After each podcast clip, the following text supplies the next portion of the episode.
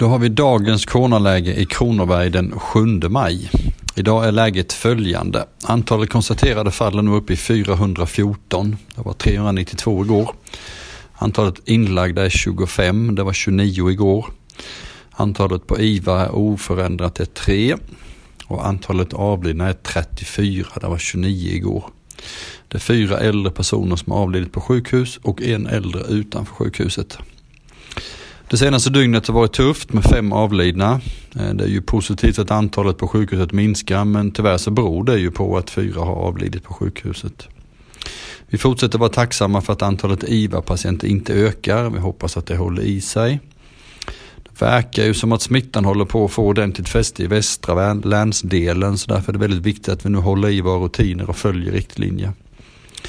Jag har tidigare beskrivit den tråkiga prognosen för ekonomin vi fick i förra veckan. Den har idag diskuterats på arbetsutskottet. Minskade skatteintäkter på 199 miljoner kronor, minskade biljettintäkter i kollektivtrafiken med 91 miljoner. Då räcker inte de ökade statsbidragen på 136 miljoner långt. Eh, detta informerade jag också om på dagens presskonferens. Dagens möte med Länsstyrelsen och kommunledningarna innehöll bland annat diskussioner kring årets studentfirande hur provtagningarna ska kunna utökas i länet och hur smittan har spridit sig på våra särskilda boenden. Eh, det var dagens rapport. Jag tackar för mig och önskar er en fortsatt trevlig dag.